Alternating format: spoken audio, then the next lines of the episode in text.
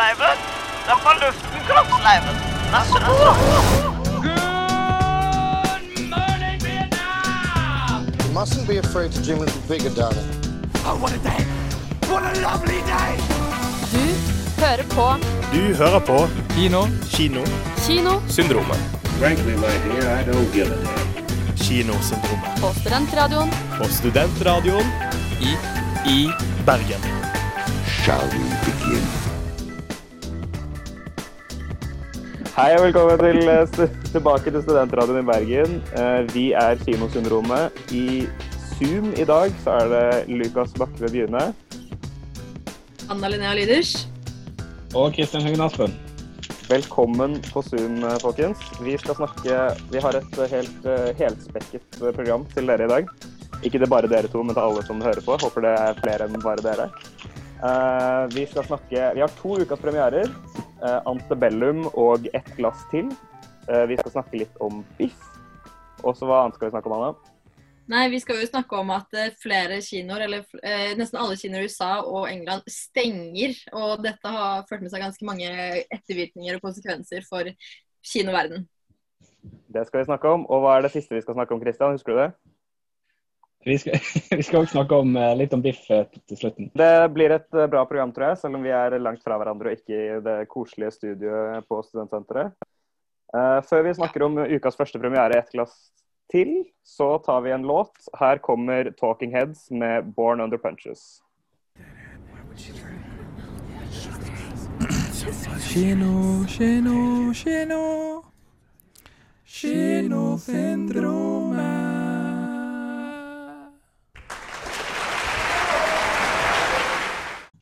Velkommen tilbake til Kinosyndromet på Studentradioen i Bergen.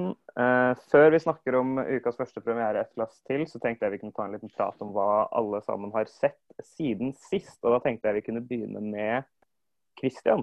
Hva har du sett siden sist? Eh, jeg har eh, vært på Netflix og sett den der eh, eh, Enola Holmes. Oh, Ja. Den, ja, den, den, den var veldig gøy. Det handler om uh, Sherlock Holmes sin eh, Oi, gud, var det kusine? Jeg tror det var kusine. Nei, søster. Søster. Lillesøster. Lillesøster Nylig sett vet du, så glemmer det. Yes, stemmer det. Eh, det handler egentlig om at uh, moren forsvinner, og så skal da Enola Holmes istedenfor Sherlock Holmes løse mysteriet om hvor hun har uh, funnet veien. Ja. Ja. Så det er en veldig, veldig, veldig spennende film. Det minner meg veldig om Sherlock med Robert Downey jr. i rollen. For da, hun har liksom de stundene der hun ser mot kamera og så prater hun. Så det er Ja. liksom Ja, ok. Veldig, veldig barnevennlig film òg, vil jeg si. Var, eh, det er jo Millie Bobby Brown, er det ikke det som er hovedrollen? Stemmer det, hun fra Stranger Things.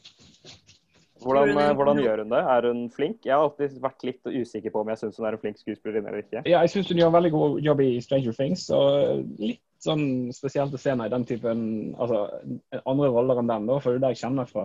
Men jeg syns du gjør en god jobb. Ja. Og fi- filmen som helhet kan du anbefale, eller? Eh, ja, jeg likte den godt. Ja. Grei underholdning. Er det, er, det, er det et bra mysterium, liksom? Eller er det litt sånn Selve mysteriet kunne nok vært litt mer spennende, men det funker. Det, det funker akseptabelt.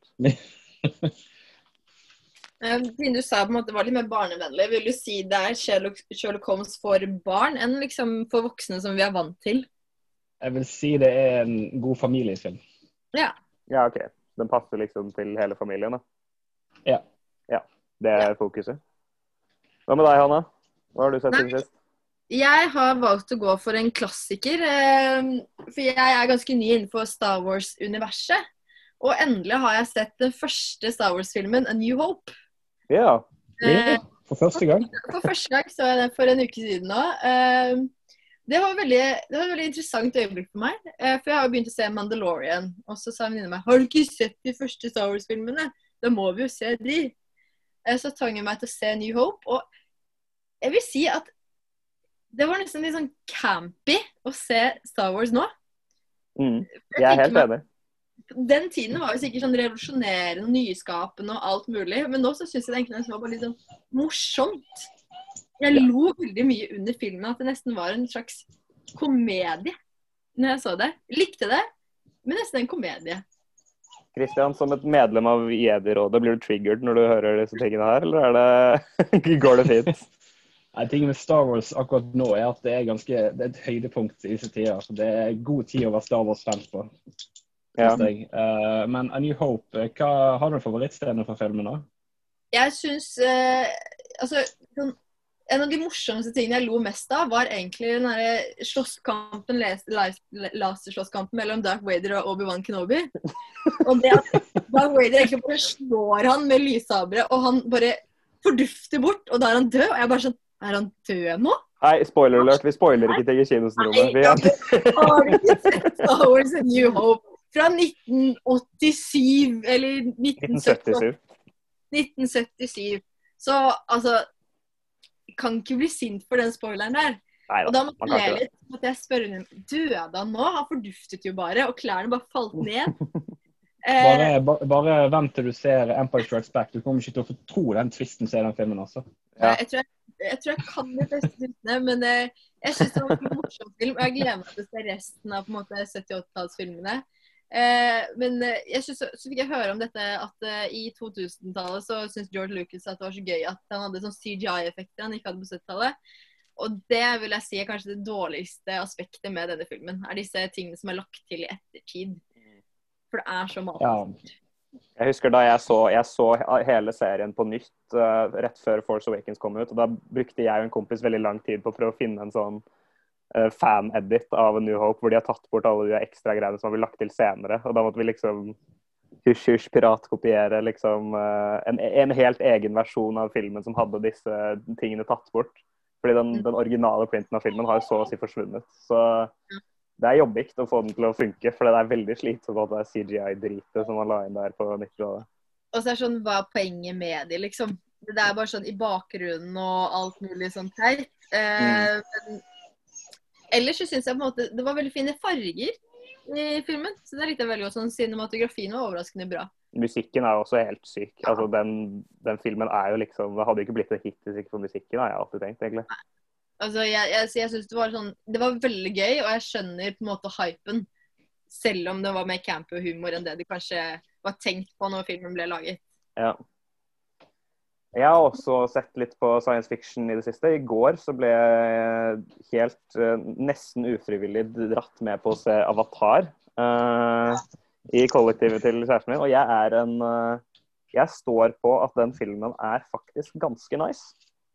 Jeg syns den har fått unødvendige mengder med hate siden, eh, siden liksom I senere tid, de siste ti årene siden den kom ut, så har den fått liksom så sinnssykt med hate fordi den ble så suksessfull og folk er sånn Ja, men ingen husker noe fra den og sånne ting.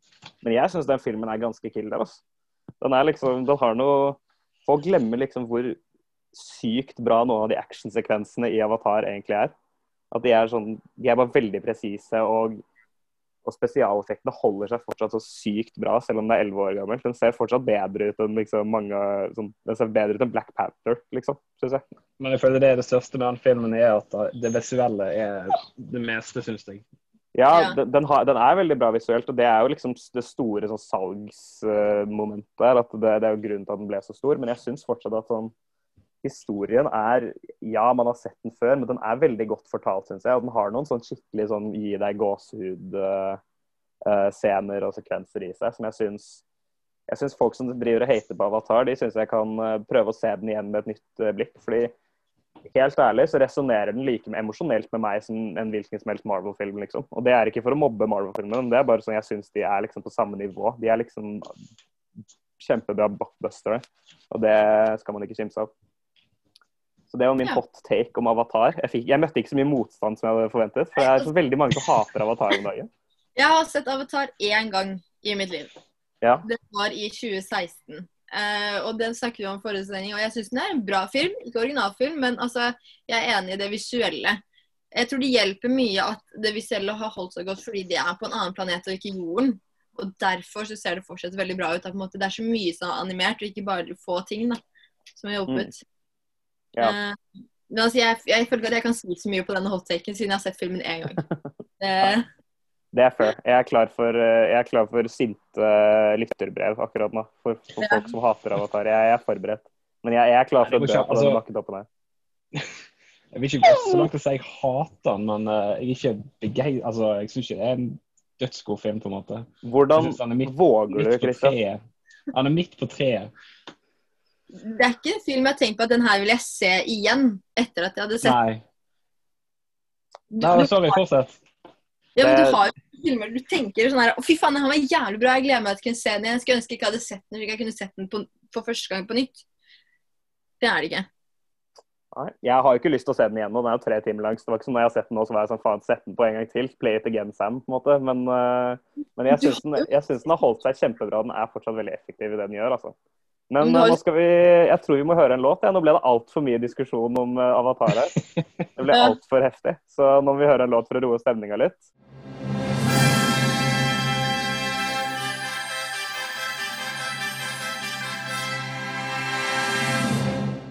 Ukas premiere. Velkommen tilbake til Kinosyndromet på Studentradioen i Bergen. En liten påminnelse om hvem vi er på Zoom i dag. Det er Lukas. Det er Hanna. Og det er Christian. Yes, litt input-lag fra Zoom er alltid så digg å bli påminnet eh, om at vi har. Det, Eh, det, det, du peker på oss, Lukas. Eh, det føles så naturlig å peke på skjermen min, selv om dere ikke skjønner hva jeg peker på. ja. Uh, ukas premiere denne uka, eller én av dem, det er eh, åpningsfilmen på Biff i år. 'Et glass til' fra Thomas Winterberg. Den handler om eh, fire eh, lærere, på, lektorer på videregående skole i Danmark, som syns at eh, tilværelsen sin er litt for kjedelig. De har mistet gnisten i livet. så De velger å prøve et eksperiment eh, basert på en norsk filosof sin tanke om at mennesket er født med en halv promille for lite. Så de prøver da å holde nivået, alkoholnivået sitt på en halv promille en hel dag gjennom, og se hvordan det påvirker livene deres eh, på forskjellige måter. Eh, Jeg tenkte vi kan høre et lite trailerklipp nå. Han er jo ferdig med det trailerklippet. Jeg er den eneste som har sett denne filmen i dag, eh, og jeg må si jeg likte den ganske godt. Den er eh, regissert av Thomas Winterberg. Det er samme regissør som 'Jakten' eh, og 'Festen'. Han er liksom en stor sånn dogmeregissør sammen med Lars von Trier. Mm. Den har Mats Mikkelsen i hovedrollen, og han er jo liksom Altså, hva kan man si om Mats Mikkelsen? Han er jo helt utrolig i alt han gjør. Han er jo helt rå. Det kan man si. Han kunne jo liksom Nei, spilt en potet, liksom, og da hadde det vært helt sykt. Det hadde vært Oscar-verdig. Ja. Um, og han spiller da hovedkarakteren av disse lærerne, som uh, er en historielærer som virkelig har mista elevene sine helt. Uh, og så begynner han å drikke hele dagen, og da begynner han å få litt grepet på elevene sine igjen. Og så begynner han å drikke mer. Og så begynner alle sammen å drikke mer, og så blir det liksom en sånn jeg vet ikke, Hele filmen blir som en slags sånn hyllest og en uh, og en, det blir en hyllest til alkohol, samtidig som det viser de store farene ved alkohol. Så den har, den har ikke en den har ikke en alkohol er kjempebra-innstilling, men den har heller ikke en alkohol er kjempefarlig og bare det-innstilling. Den klarer å balansere på en hårfin linje mellom dette temaet med alkohol. da. Ja, jeg vil si det. Altså, Den finner jo sted i Danmark, og de har jo eh, litt som Norge, tror jeg, en ganske vill eh, drikkekultur. Og det, den er, det er, føles som en veldig dansk film. Det er jo liksom Drikkingen til disse lærerne blir, eh, blir eh, kontrastert med hvordan elevene til disse lærerne drikker. For de begynner jo å drikke når de er 16 år i Danmark, lovlig. Uh, og i starten så er filmen kjempemorsom. Den, er, den har skikkelig mange morsomme scener hvor de gutta her er liksom godt opp i 40-åra og er synlig drita når de driver og lærer gym bort til barna og spiller piano i musikktimen og sånne ting. Den er, den er kjempemorsom. Og så er det liksom litt for godt til å være sant, og så går det litt til helvete. Og så Jeg vet ikke. Den, den, har, en, den har ikke et toneproblem. Den, den plutselig så går den over til å bli noe helt annet enn det man først trodde. da. Man tenker liksom at det her er gøy, det er gutta som skal være fulle hele arbeidsdagen sin. Det er jo et uh, litt morsomt konsept. Men så blir det ganske mye mer. Uh, og det er åpenbart, som jeg sagt, så er det liksom Det hadde vært veldig lett for en sånn film som det her å bli sånn Åh, alkohol er kjempefarlig, og ingen burde drikke det noen gang. og sånn. Men Ja, det blir liksom public service announcement enn en uh... ja, ikke sant. Sånn ikke drikk, det liksom. Men det, det er åpenbart at Thomas Winterberg og Mads Mikkelsen og gutta de er litt for glad i alkohol i virkeligheten til å kunne lage en sånn film. Og takk Gud for det. Fordi uh, Jeg vet ikke. Det, den har, det har et fint budskap, men det er ikke så tydelig som man kanskje skulle tro da, med et sånt uh, premiss. Mm. Så jeg likte den veldig godt. Den er åpningsfilm på Biff, så jeg vil anbefale alle å se den, egentlig. Du sa jo det var Vinterberg, og han er jo på en måte en del av den Dogme 95-sjangeren. da. Vil du si Mm. at den holdt seg veldig til sjangeren og det han er kjent for?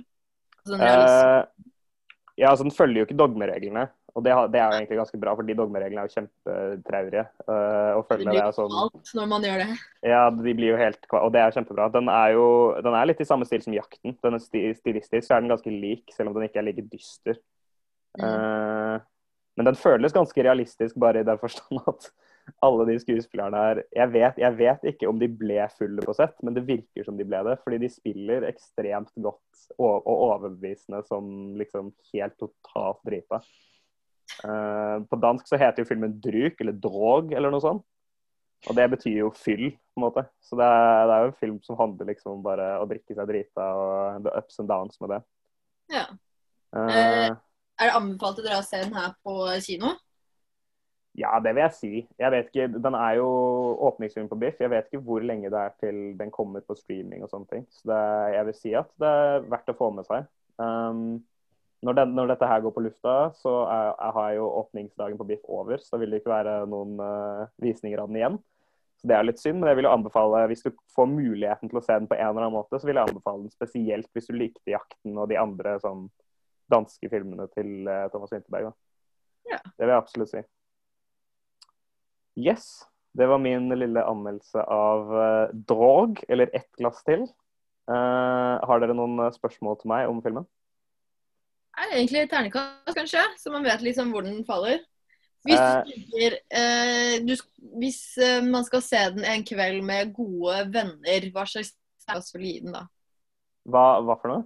Hvis du skal se filmen en kveld med gode venner, vil du anbefale å se den da? Uh, ja, men jeg, det, det er ikke en, selv om det handler om alkohol, så ville jeg ikke, ville jeg ikke satt den på som en sånn derre Gutta, nå skal vi samles og drikke øl og dri, spise popkorn, liksom. Den er ikke helt der. Jeg tror det hadde fucka med viben litt, eh, på en måte. Selv om Men- jeg syns den er veldig god. For den er, starter som sagt veldig morsomt, og så blir den ganske seriøs, og så har den liksom Du har mye Det har mye, mange forskjellige toner i seg, da. Så jeg vet ikke helt uh, om å se den med liksom kompiser hjemme er uh, hele tingen. Jeg vil virkelig anbefale å bare å se den så generelt. Så jeg vil gi den terningkast Ja, det blir terningkast fem, da. Jeg ga den åtte av ti på Letterboxd, så jeg tror det stemmer. Aksel Hennie skal spille James Bond. Marlon Brando er tilbake. Ringenes herre reboot på fløyen. Jar Jar Binks får egen film. Kinonytt. Velkommen tilbake til Kinosyndrom på Studentradioen i Bergen. Nå skal vi snakke om noe vi i eh, Kinosyndromet ikke er noen store fans av. Og det er, eh, eller det er to ting, faktisk. Det er covid og at filmer blir utsatt, eh, som vi har gledet oss til. Kristian, hva er det som har skjedd? Ja, det har skjedd mye. Dessverre så er en av de filmene jeg gleder meg mest til, egentlig, Dune, utsatt uh, til oktober 2021, stemmer ikke det? Faen! Jo, det stemmer. Og uh, flere filmer følger. Batman ble eh, lagt ut i går eller i forgårs, så at den nå ble utsatt til 20, var ikke det 2022. Jo, mars 2022. Det er jo helt sykt. Å, det er lenge. Mm. Oh. Mars hjelpes. Og Bond-filmen er utsatt. ja, det er jo ikke så mye, egentlig. Det går Det går fint for din del? Jeg er ikke største Bond-fan, så Altså, jeg vil heller at Dune skal komme tidligere enn Bond. Ja. Dune har jo blitt utsatt så jævlig mange ganger. Den skulle jo egentlig vært ute for en stund siden med den originale planen sin, tror jeg. Men uh, Dune, altså, har dere sett originalfilmen? Nei. Nei, av David Lynch? Ja, David Lynch, ja. Nei, Selv om det. David Lynch egentlig har ehm, ikke anerkjenne at det er hans film i det hele tatt, da. Men uh, for at det er Han ikke hater den så mye. Han hater den så mye, for det er ikke noe av hans visjon. Han ble fortalt hvordan han skulle gjøre ting. Men uh, jeg er fascinert uh, over konseptet, så jeg er veldig spent på hvordan I forhold til at han lagde denne Kan du uttale etternavnet hans? Denis Villeneuve. Ja, takk. Um, han lagde jo en fantastisk oppfølger til uh, Runner, så jeg er veldig spent på hvordan han tar denne her. Ja. Jeg, er også, eller jeg var spent på det, og nå er liksom spenningen litt borte, for jeg vet at det er et helt år til jeg får se den, minst. Det er jo egentlig litt positivt, da, for da bygger du ikke opp eh, forventningene, i hvert fall. i hvert fall. Ja, men jeg kommer jo til å bygge de opp igjen all over når, eh, når det nærmer seg neste år. Det Altså, kommer, Hjertet altså, knuses igjen fordi covid kanskje ikke er borte da heller. Ja, ikke sant. Man begynner jo å lure, da. Er det, kommer covid til å klare å roe seg nok i USA til at den faktisk kommer i oktober neste år? Men det, det er jo grunn til å tro at det ikke kommer til å skje, liksom. Ja, og også Det at måtte, det går så dårlig i USA, påvirker jo veldig måtte, andre land. Med tanke på at Norge så har Kina kunnet åpnet og alt mulig. Og Mm. da liksom står vi her igjen uten noe å glede oss til, nesten. Ja. Det liksom, her er jo, det er jo på en måte, det er jo på en måte uunngåelig når uh, verdens liksom, kulturnasjon, de som leder popkulturen i hele verden, spesielt filmindustrien, har, har et så fakt politisk system at de ikke klarer å håndtere sånne ting som det er. det er jo ikke bare det politiske systemet, men det er også på en måte utad altså, Nå går man jo veldig sånn inn i det, men det er egentlig ikke så amerikanerne. Men altså, det er jo ikke bare politisk system, men det er også mennesker som på en måte ikke klarer å ha tenke på noe annet enn seg selv. Da, og konspirasjonsteoretikere og QAnon og alt mulig som bare ødelegger for resten av verden. Ja. Uh, Men men en av grunnene til at disse filmene blir utsatt, og er jo fordi at det er ganske store filmer som kommer til å tjene ganske mye penger. mm, Uh, men dette er jo en veldig uh, god tid for uh, strømmetjenester. ja. Ekstremt god tid for strømmetjenester. Jeg tror på samme måte som Joe Biden driver og gnir seg i hendene akkurat nå, så tror jeg strømmetjenesten har gnidd seg i hendene siden mars, liksom. Fordi de må jo bare ha badet enda mer i penger enn det de vanligvis har gjort. Fordi de, de, de kjøper jo opp filmer høyre og venstre som ikke kan gå på kino. Så kjøper Netflix den, eller Amazon Prime, eller whoever. Så de har jo en helt enormt uh, big industri nå. ja også, Disney kan jo gjøre litt sånn, sånn i forhold til det de gjorde med Mulan, at de gjorde en mulighet for kjøp på Disney+. mm. Mm. altså, jeg ser for meg at det Jeg tenker på Black Widow, f.eks. Ja, jeg ser for meg at det er kanskje hvis kinoene kommer til å holde stengt i mye lengre periode, så tenker jeg både filmstudier og flere innenfor filmbransjen at de må jo få noe betalt for det de har gjort, ikke sant. Så jeg tenker at det kan jo hende at eksempel Black Widow, som virker som til å være en ganske stor del av måte, neste fasen i Marvel, kommer til å bli tilgjengelig på Disney Pluss før tid, men da tror jeg den kommer til å bli til og med dyrere enn Mulan. da. Det kan på en måte være et eh, aspekt på det. Ja, enda dyrere enn 30 dollar. Som var det Ja, det er jo mulig, og det høres jo litt sånn absurd ut. Men man må jo tenke på at hvis man samler seg to stykker bare, og spleiser på 30 dollar for å se Mulan på Disney Pluss, så er det allerede billigere enn en kinobillett. Ja, ikke sant? Absolutt. Ja. Og på en måte hvis du tenker sånn blockbustere som Black Widow, så kommer jo folk til å samle så mange som de kan da, Mm. eh, for å se denne filmen, og dermed så kommer det til å bli dyrere. Og så må de jo tenke på at når du kommer på sånne servetjenester, så vil jo være de hardcore fansene som ser det. Eh, mens når det er kino, så vil det være hardcore fans første helgen, og så vil etterdelterne komme en uke etterpå. Ja. Det, er på en måte, det mister de jo litt da, hvis de tar på strømmetjeneste, for da kommer de bare til å vente helt til det blir gratis, selv om det er om to måneder istedenfor bare en uke som det ville vært med kino. da ja, det er sant. Det største problemet med blockbustere nå, og gru mest største grunnen til at det ikke kommer på strømmetjenester, tror jeg, da. Ja, ja, det virker jo Etter det man så med, med Tenet, så virker det som jo enormt mange savner eh, kinoopplevelsen skikkelig. Altså, Det var jo så mye glede, merka jeg, eh, av å liksom endelig kunne gå på kino igjen da Tenet åpnet eh, tidligere i høst. Men Tenet gjorde det ikke så bra på kino som man skulle håpe. Den har vel akkurat tjent tilbake pengene, produksjonsbudsjettet sitt. Ja, men, og det er jo ikke helt bra nok, dessverre. nei, men altså, samtidig så må vi tenke på at vi bor, lever i en pandemi, da. Så det er jo igjen hardcore fansen har dratt og sett på kino, eller de som elsker å dra på kino, har på en måte trosset eh, coviden og dratt. Og så har sikkert folk tenkt nei, jeg velger å sosialt distansere meg og gjøre minst mulig eh, aktivt eller sosialt, og dermed ikke dratt og sett. Mm. Eh, Nei, eh, jeg syns hele greia er trist. Altså. Spesielt sånn jeg tror det blir en rolig eh, kinoår for 2021 òg. Ja, jeg, jeg tror også det. Jeg, tror ikke, jeg, jeg ser liksom ikke lys i enden av tunnelen. nei. Jeg ser det, det kommer til å bli mer og mer streaming, så kommer kinoen til å slite mer og mer. Eh, og det er jo litt synd. Kanskje vi må endre, endre navn på dette lille programmet vårt. Uh, hvis kinoen dør ut som uh, møtested for filmelskere. Streaming. Streaming, streaming-syndromet. Ja. Ja, altså stream Ja, det, jeg vet ikke. Man må jo finne liksom en eller annen måte. Ja. Hva var det Ja. du skulle si, Anne? Hadde du et bra navn? Nei, jeg prøvde å blande stream og syndrom, men det gikk ikke. Nei, jeg, ja, jeg tror det blir vanskelig. Men Ja. vi, vi, må finne en, vi må finne en eller annen måte å gjøre det på, hvert fall. For vi kan ikke hete Kinosyndromet mange år framover. Nei. Nei, Det blir film- og TV-syndromet istedenfor, kanskje. Ja, det har du ja. Fi- film- og TV syndrom er bra. Veldig bra. Og med det så skal vi høre en låt. Her kommer Slutface med 'Doctor'. This is what happens when an unstoppable force meets an immovable object. You truly are. Kinosyndromet. På Studentradioen i Bergen. Velkommen tilbake til Kinosen rom på Studentradioen i Bergen. Uh, i den andre filmen jeg har vært og sett i dag, er, uh, eller denne uken, er 'Antebellum' med Janelle Monet. Uh, som handler om eh, Oi, det er vanskelig å snakke om den filmen her uten å spoile for mye. Det handler om en, om en karrierekvinne, en sosiolog, eh, som blir eh, sendt tilbake til slaveriets tid og må være som slave under eh, sør sørstatene under den amerikanske borgerkrigen. Eh, men ikke alt er som det virker. Så det her er en slags sånn eh, Det er litt sånn sosial skrekk på en eller annen måte. Sosial, so, so, sosialt bevisst skrekk. I samme gate som Get Out og Us og de filmene der. Ja. Uh, ja, fordi det er jo fra, var fra samme produsent som Get Out og Us.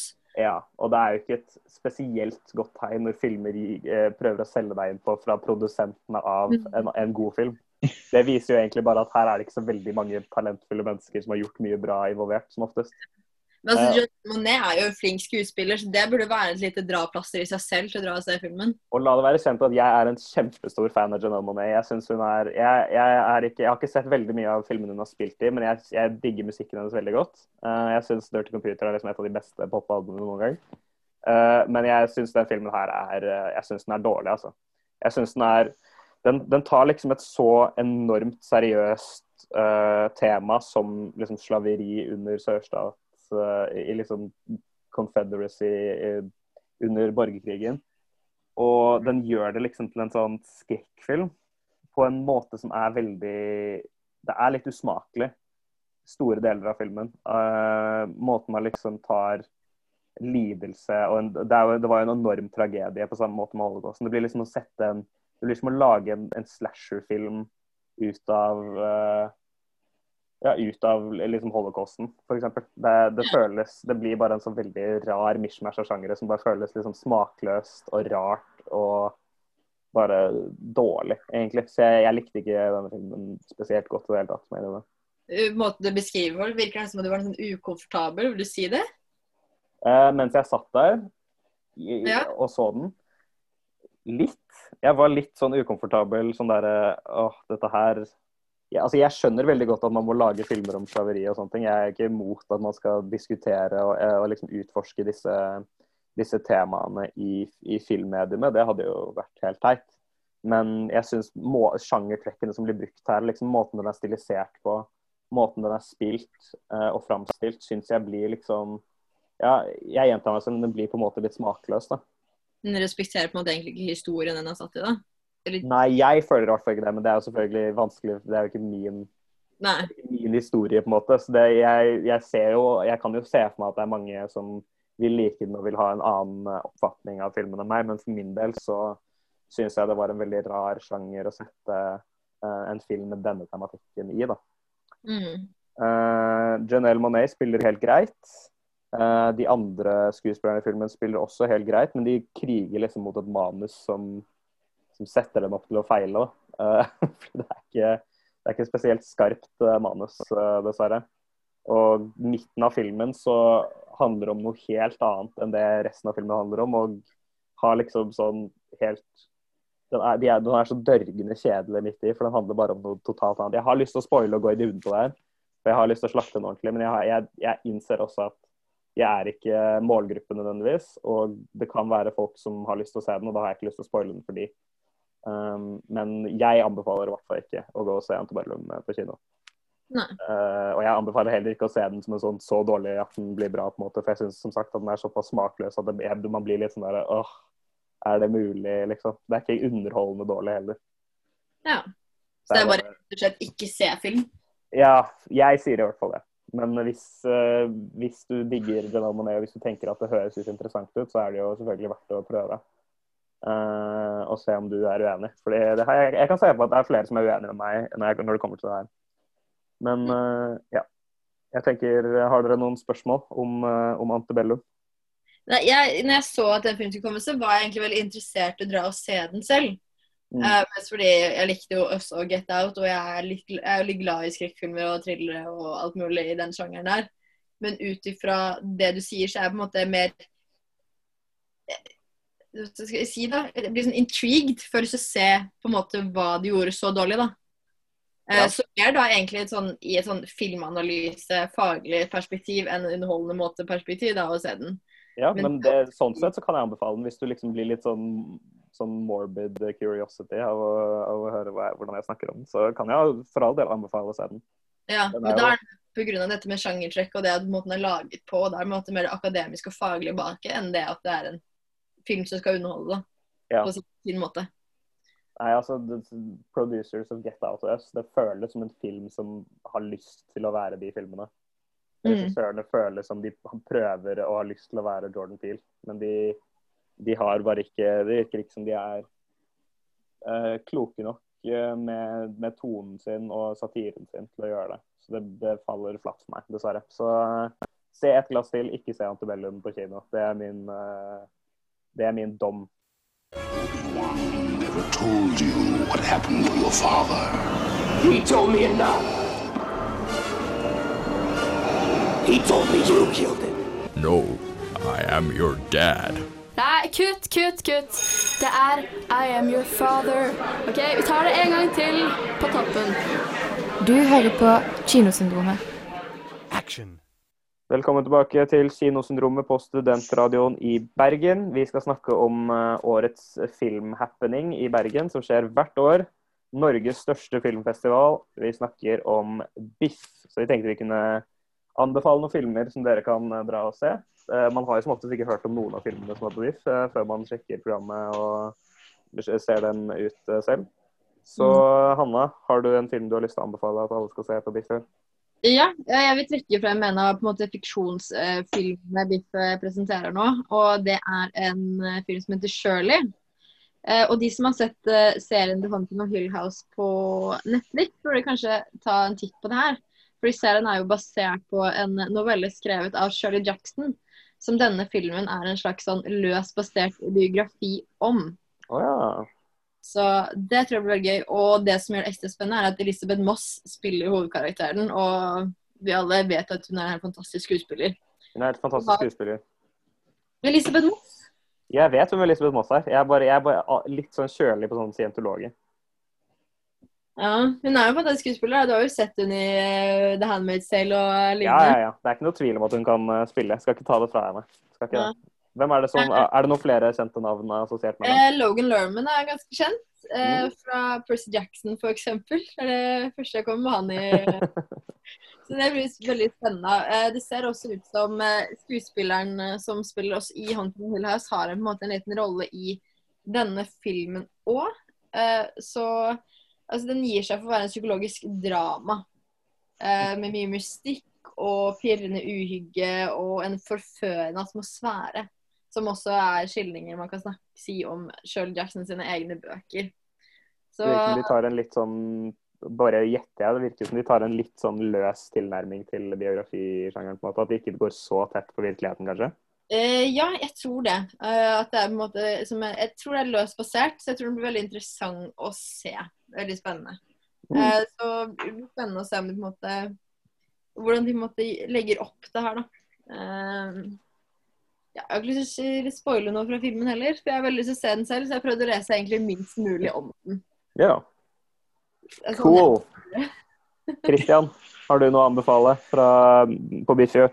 Eller noe du syns ser interessant ut, i hvert fall? Uh, ja, jeg kan dra fram Palm Springs. Finner jeg veldig interessant. Det er med Amy Sandberg og uh, Kristin uh, Hvordan uttaler du etter? Jeg er så dårlig på uttalelser. Miliotti. Mil Miliotti. For det var hun som spilte eh, Hun spilte jo moren i How I Met Your Mother. Å ja! Mener jeg. Ja, jeg, jeg rimer, Ja. Spoiler alert. Spoiler. Ah, faen. Igjen. Alle har sett det. Ja, ja, ja. Alle som bryr seg, har sett det, i hvert fall. Um, og eh, JK Simmons um, jeg har egentlig ikke lest så mye opp på filmen heller. Jeg har ikke sett traileren heller, for at jeg eh, har mer lyst til å bare se filmen på kino. Men uh, han er regissert av en som heter Max uh, oh, Gud, nå, her kommer det igjen. Bar Parkov? Barbakov? Bar bar Barbakov? Jeg vet ikke. Et eller annet i den duren, i hvert fall. Uh, men det handler om et, uh, et par som skal gifte seg, og så får de muligheten til å gifte seg på Palm Springs. Og så skjer det kompliserte ting der, har jeg forstått. Ja. Det er en krimkomediedrama. Ja, og så baserer den seg litt sånn på den der Grand Hold Day, at man på en måte er i en konstant tidsloop i en dag. Mm. Oi, er det det, ja? Mm. Ah. Det, er jo, det har jo egentlig blitt en virker- sånn sjanger. Ja, Det det er er, veldig spennende. ja, det er jo flere serier og andre filmer som på en måte gjør det her, da. Ja, Happy Death Day og Edge of Tomorrow. Det, er en sånn, det har blitt en sånn hel sjanger ut av den Groundhog Day-filmen. Og så har du Russian Doll, som også er en utrolig bra serie på Netflix, som tar for seg hele dette sp- konseptet. Edge of Tomorrow er en veldig god film. Der har du jo Tom Cruise. Han. Det er helt sant. jeg hater Tom Cruise. Og det kommer jeg ikke til å se. Virkelig. Nei.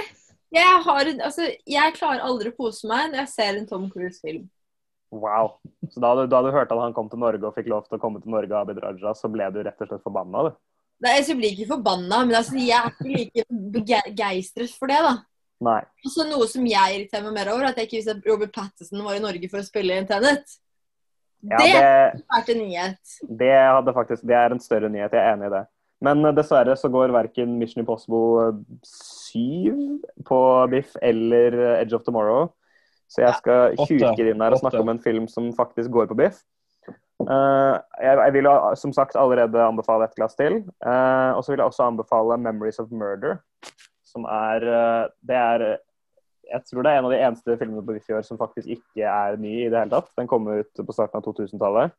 Det er samme regissør som eh, 'Parasitt', Bong Joon-ho. Som eh, sitt eh, krimmesterverk handler om en ekte seriemorder i Korea og politimennene som prøvde å, å finne tak i ham.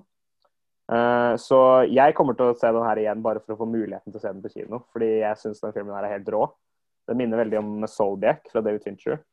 Så jeg bare sier, hvis ikke du har sett den allerede, eller hvis du også har sett den allerede, så er det en gyllen mulighet til å få sett den på kino. For det skjer altfor sjelden i, i Norge og i Bergen at man får se liksom klassikerne på kino. Og det her er, eh, det her er en framtidig klassiker, syns jeg. Men du sa det var regissert av samme av som Parasite? Ja. Samme som Parasitt og uh, The Host og, de der, og Snowpiercer. Og... Men jeg synes den her, er, den her er den eneste filmen jeg har sett av som jeg syns var like bra som Parasitt. Den her er liksom up there. Virkelig verdt å sjekke ut. Selv om den ikke er ny, eh, så vil jeg si at den er verdt å få med seg. Ja. Hanna, har du en film til? Eh, ja, altså, det er ikke filmer, men det er flere dokumentarfilmer på VIF som jeg vil anbefale å se. Eh, du har eh, Nå kommer jeg ikke husker ikke hva den heter, men eh, det er en om eh, grooming. Om eh, hvordan eh, pedofile opererer på internett, som jeg anbefaler å se. Eh, Feel the Man, som handler om hvordan tegnefigur PP ble et symbol på hvit nasjonalisme white supremacy. Og så er det Always Amber, som er en svensk eh, dokumentarfilm som handler om måte, det å være transseksuell. Så på en måte hvis du Ta en kikk på også på hva slags dokumentar som er der, som eh, jeg tror kommer til å være veldig bra og veldig interessant, men også kanskje noen som er litt vonde å se, men viktige for det. Mm. Greta er jo centerpiecen på Biff i år. Liksom den store hovedfilmen eh, om eh, vår alles eh, Greta Thunberg. Og den er jo, hun er jo kontroversiell, den, og det filmen også er. Så den hadde 3,2 på IMDb. Sikkert Oi. fordi folk eh, hater henne og går inn og voter den ned. Men sånn generelt så er jeg helt enig i at Biff pleier å være ekstremt sterke på dokumentarer. Så der er det virkelig verdt å bare gå inn på programmet og se om du, Hvis du tenker at her var det en som så litt interessant ut, så gå inn og se den helt blindt. Fordi det er Jeg syns det er det absolutt morsomste med Biff. Når man går inn og ser en film man aldri har hørt om og syns den er dritbra. Og dokumentarer er ofte mer interessante enn de høres ut som. Ja. Så å si alltid så kan de være det. That will conclude this evening's entertainment.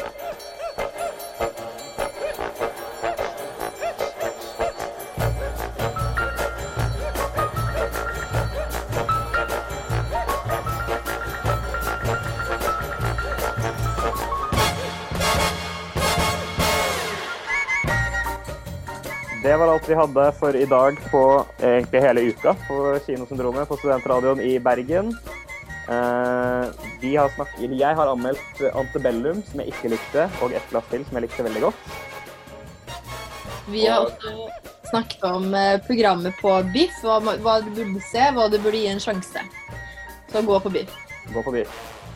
Og så har vi snakket om eh, covid-19 og alle utsettelsene av kinopremierene fra fram til 2021 og 2022. Det er en cursed tid vi lever i, folkens. Det, det, kinoutsettelsen er definitivt det absolutt verste som skjer akkurat nå i verden. Så eh, med det så vil jeg eh, takke for oss. Mitt navn har vært Lukas. Mitt navn er Hanna. Mitt navn er Christian. Ha det bra! Ha det. Ha det bra.